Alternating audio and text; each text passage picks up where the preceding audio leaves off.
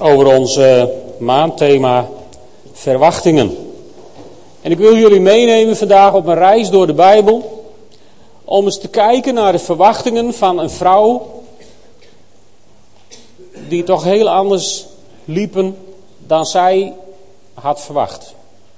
Haar naam is Maria. We gaan heel veel Bijbelmateriaal laten spreken vandaag. En ik wil met jullie beginnen in Lucas 1. Lucas 1, vers 46. Maria is uh, zwanger. In een lastige positie. En dan reist ze naar haar nicht Elisabeth. En eindelijk hoeft het dan geen geheim meer te zijn dat ze zwanger is. En als ze dan bij Elisabeth is gekomen, dan zingt ze de lofzang van Maria. Vers 46. Maria zei, mijn ziel prijst en looft de Heere. Mijn hart juicht om God mijn redder. Hij heeft ogen gehad voor mij, zijn minste dienares. Alle geslachten zullen mij voortaan gelukkig prijzen. Ja, grote dingen heeft de Machtige voor mij gedaan. Heilig is zijn naam. Barmhartig is hij van geslacht op geslacht voor al wie hem vereert. Hij toont zijn macht en de kracht van zijn arm en drijft uiteen wie zich verheven wanen. Heersers stoot hij van hun troon en wie gering is geeft hij aanzien. Wie honger heeft overlaat hij met gaven, maar rijken stuurt hij weg met lege handen. Hij trekt zich het lot aan van Israël zijn dienaar, zoals hij aan onze voorouders heeft beloofd. Hij herinnert zich zijn barmhartigheid jegens Abraham en zijn nageslacht tot in eeuwigheid. Dit was zo'n beetje de droom van Maria. Toen ze zwanger was van onze Heer Jezus. En dat ging dus over heersers die van de troon gestoten zouden worden, hongerigen die met gaven overladen zouden worden en, en, en het lot van Israël aantrekken. Maria was een kind van haar tijd en een kind van haar volk. En ze hadden een droom over de Messias die zou komen, die hen zou bevrijden, die de vijand het land uit zou gooien, die, die recht en gerechtigheid zou brengen in Israël. Ze hadden een droom in Israël en Maria had ook deze droom. In verwachting van de zoon van de Allerhoogste God. En dan loopt het met Jozef gelukkig allemaal goed. En Jozef die neemt haar tot zich. En de zwangerschap vordert. En de vroedvrouw is tevreden. En het loopt allemaal naar wens. En dan bedenkt een of andere hotemethode in een ver land dat je ineens op reis moet, vlak voor de bevalling. Babykamer geschilderd, leuk behangetje erin, wiegje klaar, alles prachtig. En dan moet je op reis. Naar Bethlehem. Een mooi eind uit de buurt. En dan kom je daar in Bethlehem. En dan krijg je weeën. En al het gedoe. En niemand interesseert het wat. En eh, niemand maakt plek voor je. En dan gebeurt datgene wat wij zo romantisch vinden. In Lucas 2, vers 6 en 7, terwijl ze daar waren, brak de dag van haar bevalling aan. En ze bracht een zoon ter wereld, haar eerstgeborene. Ze wikkelde hem in een doek en legde hem in een voederbak, omdat er voor hen geen plaats was in het nachtverblijf van de stad. Dit klinkt wat koud, vinden jullie niet? Het was veel romantischer dat er geen plaats voor hen was in de herberg. Vooral met een beetje zachte G klinkt het nog prettiger. En als ze hem dan in een kribje legden, toegedekt met wat hooi, dan wordt het allemaal zo'n prachtig romantisch plaatje. En het staat hier ook. En al die kerststalletjes, die staan er natuurlijk vol mee. En, en we hebben er een prachtig liedje van gemaakt. Hè. Vroeger op de zondagschool, er is een kinderke geboren in het strooi. Het ligt in een kribje bedekt met wat hooi. En wat vonden we dat prachtig. En dan moest je, even later moest je zingen, het kwam op deze wereld en droeg al zijn kruis. En daar snapte je als kind op de zonderschool nog niet zoveel van. Want dat was helemaal dat niet zo romantisch als dat strooi en dat hooi. Maar uh, mijn oudste zoon die heeft een hele leuke, met zijn vrouw samen, hebben ze een hele leuke kerstkaart gemaakt. Van kleine Simon. In een kistje met stro. En daar staan twee engeltjes achter. Dat zijn zijn zusjes. En het kleinste engeltje heeft wat een bedrukt gezicht. Kleine Nienke van drie, die begreep volgens mij namelijk de essentie van dit verhaal. En die heeft gedurende de hele fotosessie heftig geprotesteerd tegen de ouders en gezegd: Simon lijdt net lekker. En dan moesten ze even lachen voor de foto. Nee, want Simon lijdt net lekker. Dat is een hot item geweest tijdens deze fotosessie. Dat Simon niet lekker lei in dat stro. En, en toen ze me dat verhaal vertelden, toen dacht ik, ja, wat, we maken het zo romantisch, dat verhaal, dat Jezus daar in een, in, een, in, een, in een kribbetje lag, in het stro, maar hij lag gewoon in een voerbak, omdat niemand plek voor hem wilde maken. Met andere woorden, dat kerstverhaal hebben we wel heel romantisch gemaakt, maar ik denk dat het voor de jonge moeder Maria een bittere teleurstelling was dat haar kindje geboren werd ergens in een smerige stal. En dat hij in een, in een voerbak in het stro moest liggen. Omdat ze vanwege een of andere figuur in een ver land niet thuis konden zijn. En de baby niet gewoon in zijn eigen babykamertje kon liggen. Eerste teleurstelling. En dan komen toch ineens midden in die teleurstelling komen die herders ook de mensen waar je echt op zit te wachten als je net bevallen bent in die tijd. Hè, want herders, dat waren nou niet, ja, dat waren toch een beetje, zeg maar, de, de daklozen van deze tijd. Hè. Ik bedoel, die, die, dat waren de eerste kraamvisite. Nou, daar was je doodverlegen om als je net bevallen was. Maar die komen met dat hele mooie verhaal over die engel. Over die engel. En dan over dat hele koor engelen die zongen van ere zij God in de hoge en vrede op aarde en in mensen een welbehagen. En Maria die hoort het. En, en, en toen ik daarover nadacht, Maria had, Maria had, had op verschillende manieren kunnen reageren. Want om te beginnen was, was een koor van engelen, wat eerder zij God zong, volstrekt onbijbels. Het stond niet in de Bijbel, nergens. Zeker niet in het Oude Testament. Dus Maria had kunnen zeggen, ja nou dit kan nooit kloppen. Ontmoetingen met engelen moeten we niks van hebben. En engelen die dan ook nog liederen zitten. Nee, dat gaat niet. Maar Maria wijst het niet af.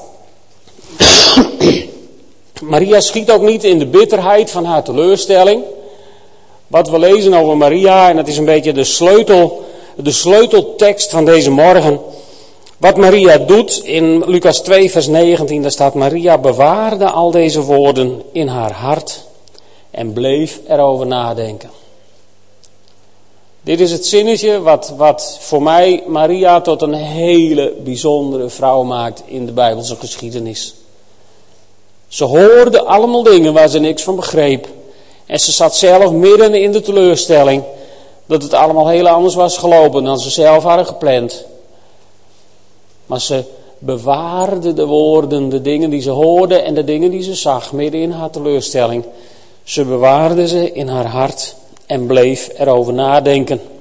Toen moest ik denken aan die mooie bladwijzer die jullie een tijdje geleden hebben gekregen. Hebben jullie hem nog? Hebben jullie dat mooie boek ook nog, dat reisverslagboek? Wordt daar nog wel eens in geschreven, wat je met God beleeft? Of is het te gewoon geworden om dingen met God te beleven? Of ben je te teleurgesteld omdat je niks had om op te schrijven? Er zijn honderdduizend redenen hè, om het niet meer te doen, maar ik wil je aanmoedigen om het weer op te zoeken en het weer op te pakken. Want wat deed Maria? Maria die keek ook op de bladwijzer en die dacht, nou, ik bewaar ze in mijn hart, memorisatie. En ik blijf erover nadenken, meditatie. En weet je wat, ik blijf erover nadenken, studie. Maria was bezig om, om met het woord wat wij inmiddels in het woord hebben staan, zij bewaarde het in haar hart en bleef erover nadenken en was er voortdurend mee bezig. Dat maakte haar ook, volgens mij, tot zo'n bijzonder mens. Maar ze was er nog niet, want uh, een tijdje later zijn ze in Jeruzalem in de tempel, omdat de wet dat voorschreef. Jezus was toen, als we het goed tellen, 41 dagen oud. Acht dagen besnijdenis en daarna 33 dagen onreinheid volgens Leviticus 41. Jezus 40 dagen oud zijn ze in, in Jeruzalem. Wat mij opviel is, is dat ze dus kennelijk in, in Bethlehem een plekje hebben gevonden, gezocht, een huis. En dat je nergens in de Bijbel leest dat ze in Nazareth ook ongerust zijn geworden. Ze moesten even naar Bethlehem om zich te laten inschrijven. En ja, ze kregen dat toevallig tussen neus en lippen door even een kind, omdat dat zo uitkwam. Maar na 40 dagen waren ze nog niet terug in Nazareth. Was ook nog geen zoekactie. Vreemd. Niemand kennelijk in Nazareth vond het vreemd, maar het, het valt zo op. Alleen nu, goed, nu zijn ze in, in Jeruzalem. In de tempel. En ze doen de dingen die ze moeten doen. En dan komt daar ene Simeon, een profeet. Waarschijnlijk hebben ze in die tijd net zo min raad geweten met dit soort profeten als wij in onze tijd. Hè. Simeon was waarschijnlijk zo'n man, ja, een beetje vreemd, maar wel lekker. En, en toch niet helemaal te volgen en, en een beetje anders dan anders. En deze Simeon, ja, die komt in de tempel en, en die neemt dat kind in zijn armen en die zingt dat prachtige loflied wat Hans heeft voorgelezen bij de opening. Maar daarna zegt Simeon nog een paar dingen. Verontrustende woorden. Simeon zegende hen en hij zei tegen Maria, zijn moeder weet wel dat velen in Israël door hem ten val zullen komen. Of juist zullen opstaan. Met andere woorden, het kan twee kanten op. Is altijd zo in het leven met Jezus. Hè? Het kan twee kanten op. Je komt ten val of je staat met hem op. Voor heel veel mensen komen eerst ten val en staan later met hem op. Maar het zijn jouw keuzes die je maakt als je Jezus ontmoet. En Simeon die wist het en die zei, velen zullen door hem ten val komen of juist door hem opstaan. Hij zal een teken zijn dat betwist wordt. Nou, ga de theologische discussies maar eens aan. Over het belang van de Heer Jezus, over de authenticiteit van Jezus, over de goddelijkheid van Christus. Nou, bedenk ze maar. Kijk maar eens hoe betwist het teken inmiddels 2000 jaar lang is. En uh, dan zegt Simeon nog iets veel vervelenders. Zelf zult u als door een zwaard doorstoken worden. Zo zal de gezindheid van velen aan het licht komen.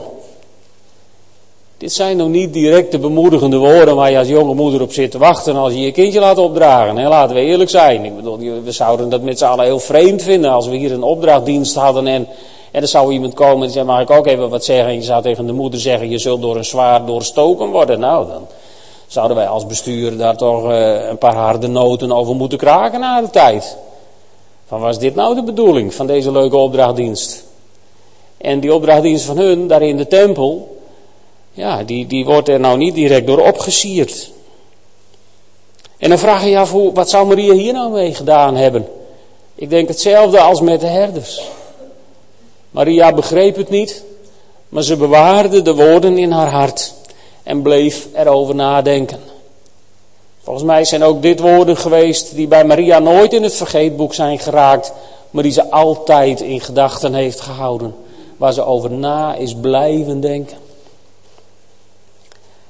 En uh, na die verontrustende woorden komt er een ontgoocheling. Eerst komen er nog tovenaars uit het oosten. En die maken Jozef en Maria ineens rijk.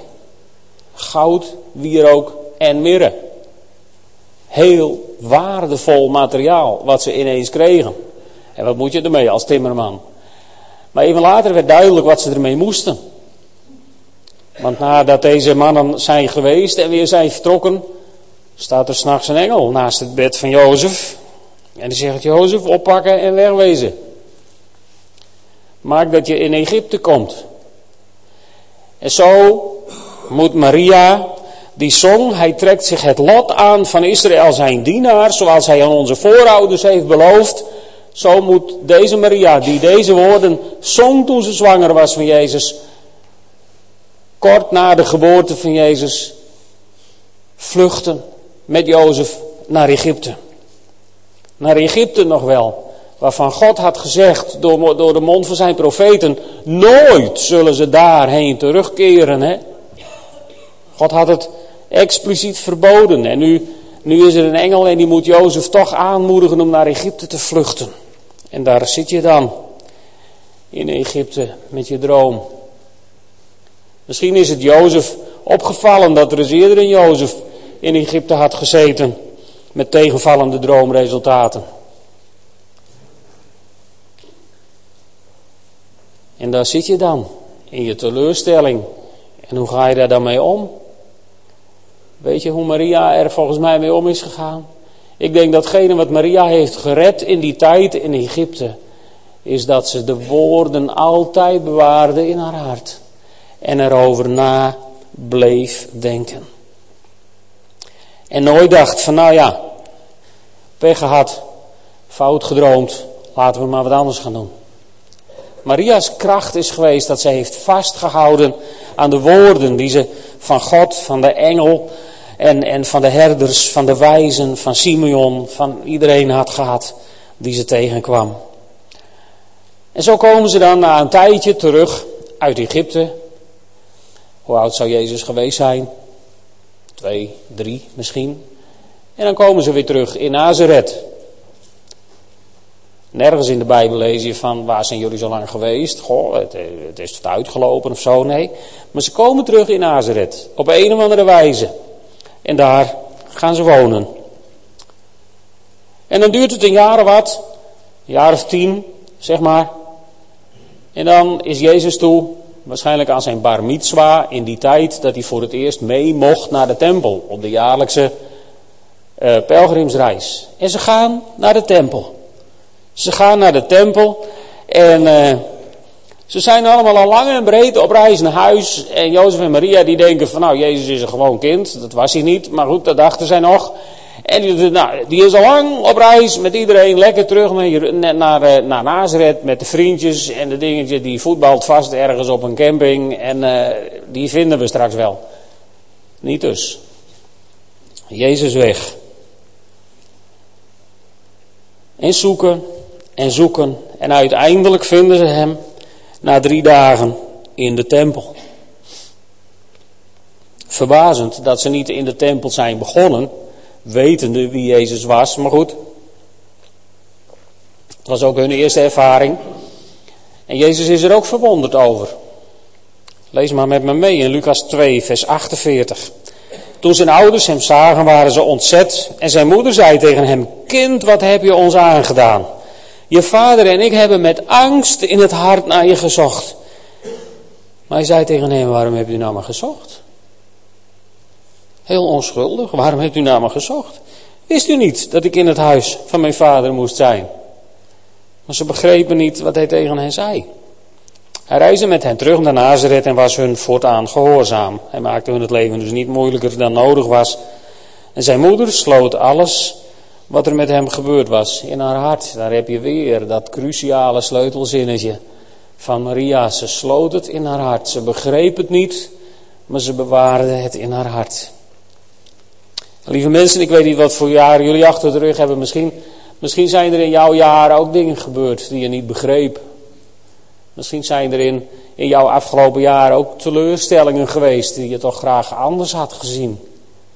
Misschien zijn er in jouw jaren ook dromen niet uitgekomen, niet in vervulling gegaan. En weet je, dan is, dan is de neiging om de kop in de nek te gooien is zo groot. Hè? De neiging om in je teleurstelling te blijven hangen is zo groot. En de duivel zal alles proberen om je daartoe te verleiden. En dan hoop ik dat Maria een heel groot voorbeeld voor jou mag zijn. Ze had de nodige teleurstellingen achter de rug toen ze een keer zover was. maar ze bleef vasthouden in haar hart. En ze bleef erover nadenken. En Jezus, die groeide op. En zijn wijsheid nam nog toe. En hij nam steeds meer toe in de gunst bij God en bij de mensen. Weet je wat, wat Maria hier miste even? Dat was dat ze niet op de hoogte was van de wegen van God. En wij zijn dat ook vaak niet. Toen ik dit las, toen Jezus zei, waarom hebt u naar me gezocht? Wist u niet dat ik in het huis van mijn vader moest zijn? Moest ik denken aan, aan dat, dat liedje wat uh, ik vroeger ergens een keer uit mijn hoofd heb moeten leren op de lagere school. Heer, hij maakt mij uw wegen door uw woord en geest bekend. Leer mij hoe die zijn gelegen en waarheen gij treden wendt. Kennen jullie dat? Oud gezang. En, uh, gezang, nee, Psalm 25. Psalm 25, vers 4 en 5, als je het in de Bijbel na wilt lezen. Heer, hij maakt mij uw wegen naar uw woord en geest bekend. Leer mij hoe die zijn gelegen. Weet je, wat missen we het soms, hè? als we in onze teleurstelling blijven hangen. Dan is, dan is vaak niet eens het grootste probleem dat, dat we niet hebben gekregen, wat we graag hadden gewild. Het is vaak niet eens het grootste probleem dat onze droom niet uitkomt zoals wij hem hadden geïnterpreteerd. Het grootste probleem is vaak dat we er naar kijken en dat we het gevoel hebben alsof de hemel van koper is. En dat we denken, Heere, maak me toch uw wegen naar uw woord en geest bekend. Soms kan het zo die honger in je, in je hart zijn. Dat je denkt, Heer, ik begrijp niet waarom het me overkomt. Ja, maak mij toch uw wegen bekend. Wat, wat kan dat soms een diep verlangen in een mens zijn om te mogen weten waarom de dingen gebeuren zoals ze gebeuren. Maar het wordt je niet altijd uitgelegd en het wordt je ook niet altijd duidelijk. Tenminste niet meteen, ook in het leven van Maria niet. Maar Jezus groeit verder op en hij gaat van start met zijn bediening. Zo rond zijn dertigste. Wat overigens tien jaar vroeger is dan voor een normale rabbi. Want je moest minimaal veertig jaar zijn voordat je met gezag mocht gaan onderwijzen. Maar Jezus begon tien jaar eerder. Zo wijs was hij geworden kennelijk, dat mensen dat accepteerden. En dan vinden we hem even terug in Johannes 2. Heel bekend verhaal. Ze zijn naar een feestje genodigd op de bruiloft en Jezus heeft zijn leerlingen meegenomen. Je moet altijd oppassen, als je Jezus uitnodigt in je leven, heb je het risico dat er gelijk twaalf man extra meekomen. Jezus die is op dat feest met al zijn discipelen en zijn moeder is er ook. En dan staat er in vers 1, op de derde dag was er een bruiloft in Cana in Galilea. De moeder van Jezus was er en ook Jezus en zijn leerlingen waren op de bruiloft uitgenodigd. En toen de wijn bijna op was, zei de moeder van Jezus tegen hem, ze hebben geen wijn meer. Wat wilt u van me, zei Jezus, mijn tijd is nog niet gekomen. En daarop sprak zijn moeder de bedienden aan, doe maar wat hij jullie zegt, wat het ook is. Hier, hier vallen een paar dingen op. In ieder geval dat geloof weer van Maria, hè? omdat ze die woorden in haar hart bewaarde en er maar over na bleef denken en, en, en daardoor volgens mij groeide in, in, in een vorm van, van bovennatuurlijk geloof. Zei ze tegen de dienaren van wat hij je ook zegt, doe het maar. Doe het maar. Doe maar wat hij je zegt. Maakt niet uit wat. Al hoe gek het ook is. Aan de andere kant zal er misschien ook die teleurstelling geweest zijn. Dat je bedoel, als moeder heb je het beste met je jongen voor. En hij is in zijn bediening begonnen. En als moeder zie je dan de kans en zeg toen nog even jongen. Zeg je wie meer? En dan zegt Jezus, wat bemoei je mee? Mijn tijd is nog niet gekomen. Ja, dat valt even tegen. Dat is even slikken. En toch kun je als, als ouders, misschien kun je soms die neiging ook hebben hè, bij je kinderen. Een beetje duwen, een beetje trekken, wat pushen hier en daar. Mijn moeder die kan dat ook, kon dat ook heel goed. En dat maakt je ook wat allergisch voor dat soort gedrag. Maar Jezus' moeder kon het dus ook. Een beetje duwen, een beetje trekken, wat voororganiseren. En ik denk dat Maria dit deed, niet gewoon omdat ze Jezus niet vertrouwde, maar omdat ze beren trots was nog steeds op haar zoon. Want zij wist als geen ander dat het een bijzonder kind was. Zij wist als geen ander dat hij de zoon van God was, want zij had oog in oog gestaan met een engel die tegen haar zei: De Heilige Geest zal over je komen en de kracht van de Allerhoogste zal je overschaduwen en datgene wat er in je verwekt wordt zal zoon van de Allerhoogste genoemd worden. Niemand anders had dat. Zij wist het. Ik vraag me, de hele tijd af tijdens de voorbereiding. Hoe wist Lucas al deze dingen? Hè? Wat moet Lucas ontzettend veel met Maria gepraat hebben? Dat hij zoveel intieme details weet over het begin van het leven van de Heer Jezus. Wat niet één andere evangelist wist. Dat moet uit de eerste hand komen van Maria. Anders, anders kan het bijna niet. Maar goed, ze was beren trots op haar zoon. En ze had nog steeds die droom. En ik denk dat Maria inmiddels zo'n beetje onder hoogspanning stond van nu moet het ook bijna gebeuren. En Heer, als u niet wat doet, dan help ik u wel op gang. Dat kunnen wij soms ook zo hebben. Als we denken, Heer, het is nu toch echt tijd dat u wat gaat doen hoor. En anders begin ik wel vast. Niet doen. Het hielp ook Maria niet. Maar wat ze hier laat zien, is dat ze ongelooflijk trots was op haar zoon en nog steeds grote verwachtingen had van datgene wat Jezus Christus in de wereld zou gaan veranderen. Maar dan begint heel langzaam, maar zeker, het tij te keren. Jezus die doet controversiële dingen. Hij doet uitspraken waarvan de moeder denkt van nou dit is niet wijs, want nee hier worden de ouderlingen bij ons in het dorp niet vrolijk van. En hij, hij, hij, hij doet ook dingen op, op Sabbat waarvan zijn ouders denken, nou ik weet het niet, dit komt niet helemaal goed. En, en ze volgen hem en in het begin, dan is Maria nog wel, wel bij hem als hij in Capernaum aan zijn bediening begint. Maar, maar na een tijdje sloft de familie het kennelijk niet meer bij. En dan op een dag is de maat vol. In Matthäus 12, vers 46. Daar komen we dit tegen. Terwijl Jezus nog met de mensen in gesprek was, diende zich buiten zijn moeder en zijn broers aan. Ze vroegen hem dringend te spreken. En iemand zei tegen Jezus: Uw moeder en uw broers staan buiten. Ze willen nu spreken. Hij antwoordde: Wie is mijn moeder? En wie zijn mijn broers? Hij maakte een gebaar naar zijn leerlingen en zei: Zij zijn mijn moeder en mijn broers. Want ieder die de wil van mijn vader in de hemel doet, die is mijn broer en zuster en moeder.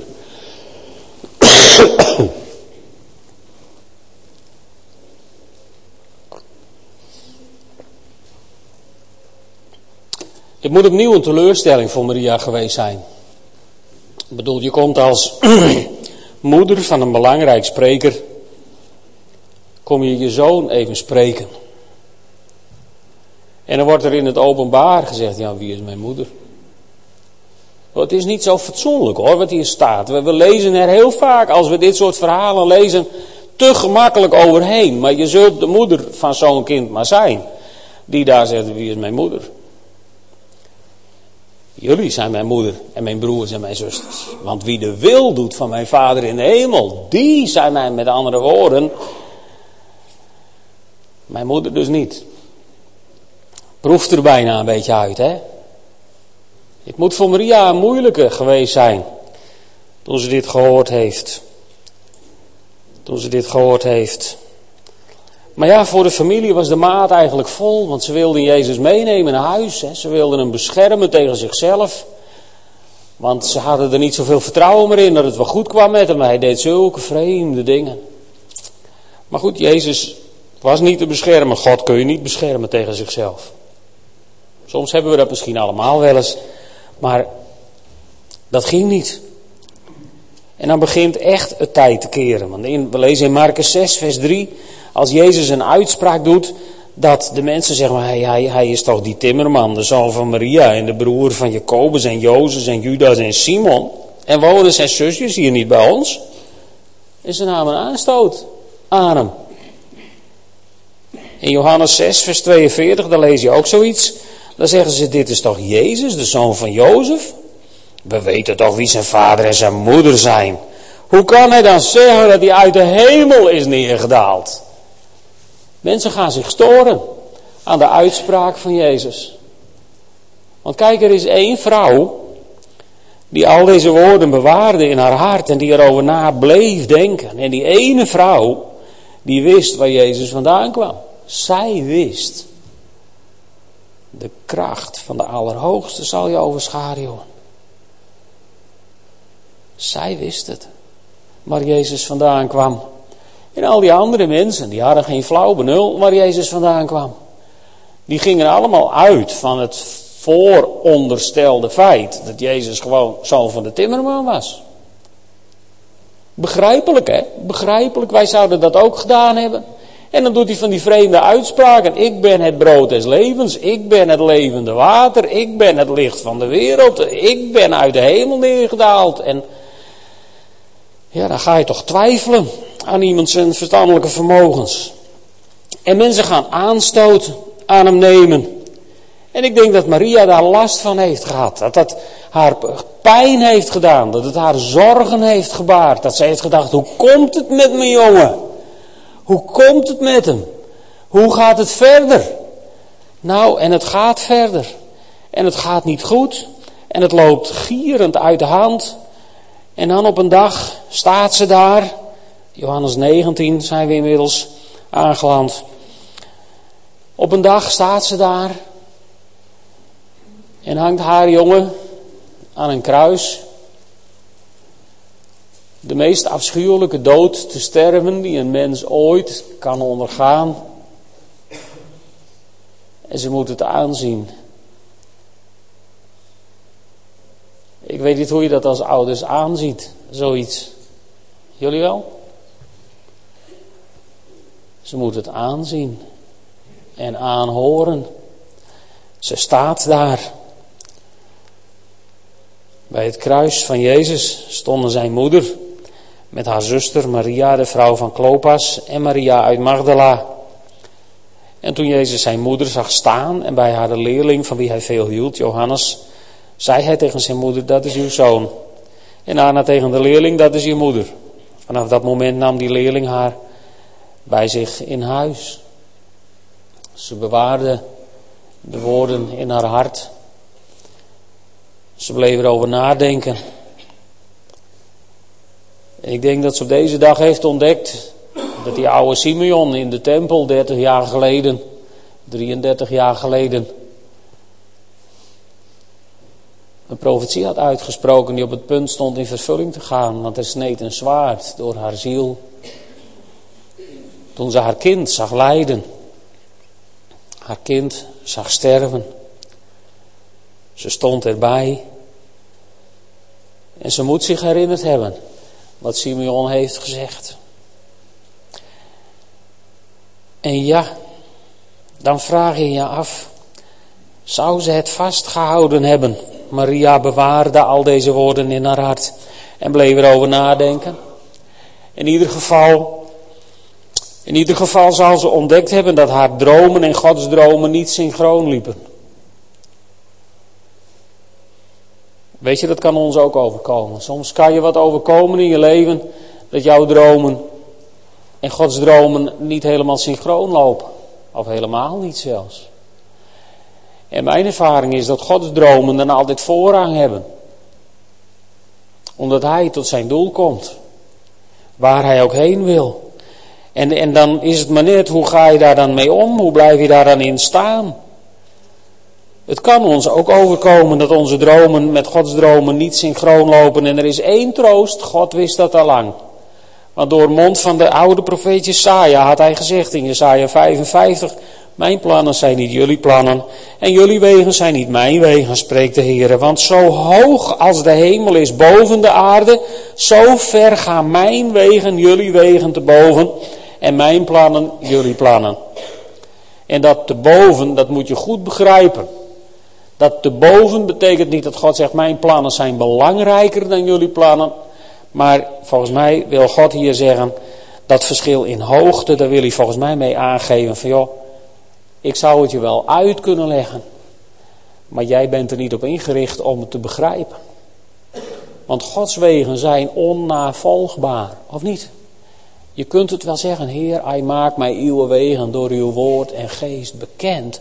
Maar dan moet eerst de geest van God zoveel van onze oude menselijke geest hebben, hebben, hebben uh, herplaatst, zeg maar. Voordat we überhaupt een beetje kunnen begrijpen. En dan nog moeten we ons realiseren dat we God nooit helemaal zullen kunnen navolgen. En dat we God, wij kunnen God niet begrijpen. We willen dat misschien wel, dat was ook de valkuil waar Eva in trapte. Je kunt God niet altijd begrijpen. Maar God weet dat onze dromen niet altijd synchroon lopen. En hij valt daardoor niet van zijn troon, gelukkig. Want wat was dan eigenlijk Gods plan? Kijk, Maria, haar droom, hebben we nu een hele tijd bij stilgestaan. Maria had een droom. Net zoals het volk van Israël een droom had. Er zou een Messias komen. En die zou de Romeinen het land uitgooien. En die zou de heerschappij van het land herstellen. En, en het zou allemaal vooral heel fysiek zijn. In plaats van geestelijk. Dat was Maria's droom. Maar wat was Gods droom eigenlijk? Dat hebben we gezongen vlak voor de preek. Weet je dat? Heer, ik prijs uw grote naam. Heel mijn hart wil ik u geven. Want u bent de weg gegaan die mij redding bracht en leven. U bent de weg gegaan. En hoe zag die weg er dan uit? Wat was nou Gods droom om jou en mij redding en leven te brengen? Dus in een paar prachtige poëtische woorden is het neergezet in dit lied. U daalde neer van uw troon om mens te zijn. U daalde neer van uw troon om mens te zijn. Weet je, wij kunnen dat kribbetje, wij kunnen, wij kunnen dat voederbakje met een beetje stro zo romantisch maken. Maar als je je realiseert dat hij neerdaalde van zijn troon om mens te zijn, haalt dat alle romantiek van de stal voor goed bij je weg. Hij daalde neer van zijn troon in de hemel. En hij heeft zijn goden gelijk zijn niet als roof geacht. Hij heeft niet gezegd, ho ho ho, maar dat wil ik houden. Nee, hij heeft het afgelegd. Hij heeft het in de hemel gelaten om jou en mij te redden voor de eeuwigheid. Zo kwam hij naar deze aarde. Dat was de kale, kille, koude gebeurtenis op die kerstnacht in de stal van Bethlehem. Het was een afdaling van de troon in de hemel naar de beestenbende hier op aarde. Hij daalde neer van zijn troon om mens te zijn. En dan staat er van de stal naar het kruis droeg u mijn pijn. Van de stal naar het kruis droeg u mijn pijn. Het heeft me vroeger een keer heel diep geraakt dat, dat uh, een, een, een, predikant in een preek dat uitlegde uit, uh, uit de geloofsbeleidenis. Hè. Ik geloof in God de Vader, schepper van hemel en aarde. En in zijn enige geboren zoon Jezus Christus, geboren uit de maag Maria, die geleden heeft onder Pontius Pilatus, is gestorven, gekruisigd en begraven. En die dominee die legde mij toen een keer uit op ons dat het belangrijk is waar de komma staat, in dat zinnetje. Hij zei, heel veel gelovigen denken van, oh Jezus Christus, hè, die geleden heeft onder Pontius Pilatus. Punt.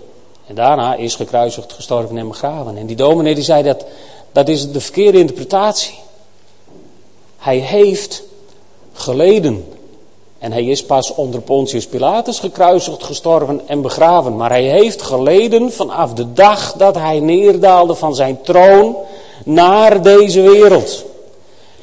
En, en lieve mensen, als je gewend bent om aan de rechterhand van de Vader op de troon te zitten in de hemel, dan kun je nog zo'n leuke jeugd hebben als zoon van de timmerman. En dan kun je met al het zaagsel van deze aarde mogen spelen. Het blijft een leidersweg vergeleken bij waar je vandaan kwam. Met andere woorden, Jezus kan best een leuke jeugd hebben gehad.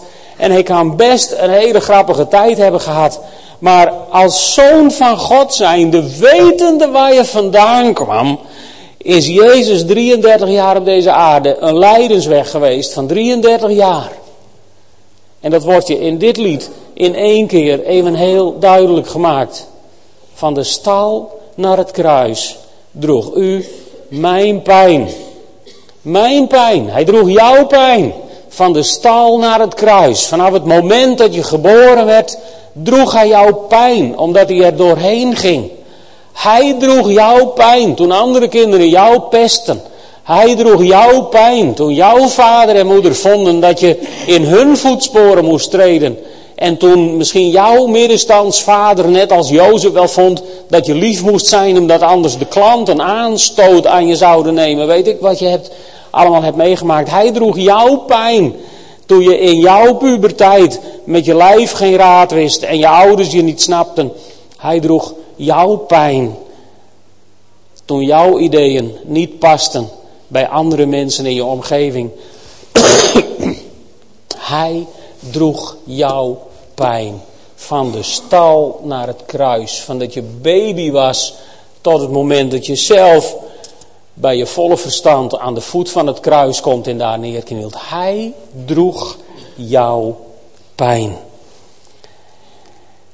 En toen ging hij van het kruis naar het graf. En weet je, dat is ook zo'n stukje van het kruis naar het graf. Einde van al je dromen. Einde van al je illusies. Einde van wat je had gewild, gedacht, gehoopt. Einde. Misschien heb je ook zulke belevenissen in je leven. Of zit je in zulke fases dat je denkt van nou, kan de boel direct wel begraven. Weet je, dan heb ik één hoopvolle boodschap voor je op deze laatste zondag van het jaar. Van het kruis naar het graf en uit het graf weer opgestaan. Dood heeft nooit het laatste woord bij de God van het leven. Hij is uit het graf weer opgestaan. En als je zo ver met hem bent gekomen, als je zo ver met hem bent gegaan, als je één bent geworden met zijn dood aan het kruis, als je met hem bent, komt u weer, als je met hem bent begraven in het watergraf en met hem weer bent opgestaan in een nieuw leven, lieve mensen, dan, dan, dan blijft er maar één ding over in je ziel. En dat zijn de woorden, Heer, ik prijs uw grote naam. Halleluja. Dat is de God die wij dienen. En weet je, Maria heeft het ontdekt. Ik ben ervan overtuigd dat ze het heeft vastgehouden. Woorden bewarend in haar hart.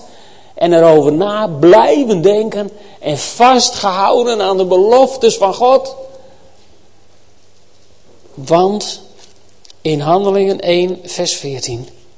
Daar lezen we over de discipelen. Vurig en eensgezind wijden ze zich aan het gebed. Samen met de vrouwen en met Maria, de moeder van Jezus en zijn broers. Ze hebben het doorgehalten, zeg je dan op zijn Duits. Hè? Ze, hebben het, ze hebben het gered. Ze zijn er doorheen gekomen. Ondanks het feit dat, dat, dat ze Jezus aan dat kruis moest zien lijden en moest zien doodgaan. Ondanks het feit dat ze hem misschien wel mee in het graf heeft gelegd. Ondanks al die teleurstellingen is ze blijven vasthouden aan die woorden in haar hart. En dat droeg haar door die zwartste periode van haar leven. Zodat ze in handelingen 1 er nog steeds bij mocht zijn. Dit meisje Maria. En wat is nou Maria's recept? Heel simpel. Als jij Maria wilt volgen en in haar voetsporen wilt treden, is dit het recept. Maria bewaarde al deze woorden in haar hart en bleef erover nadenken. Amen.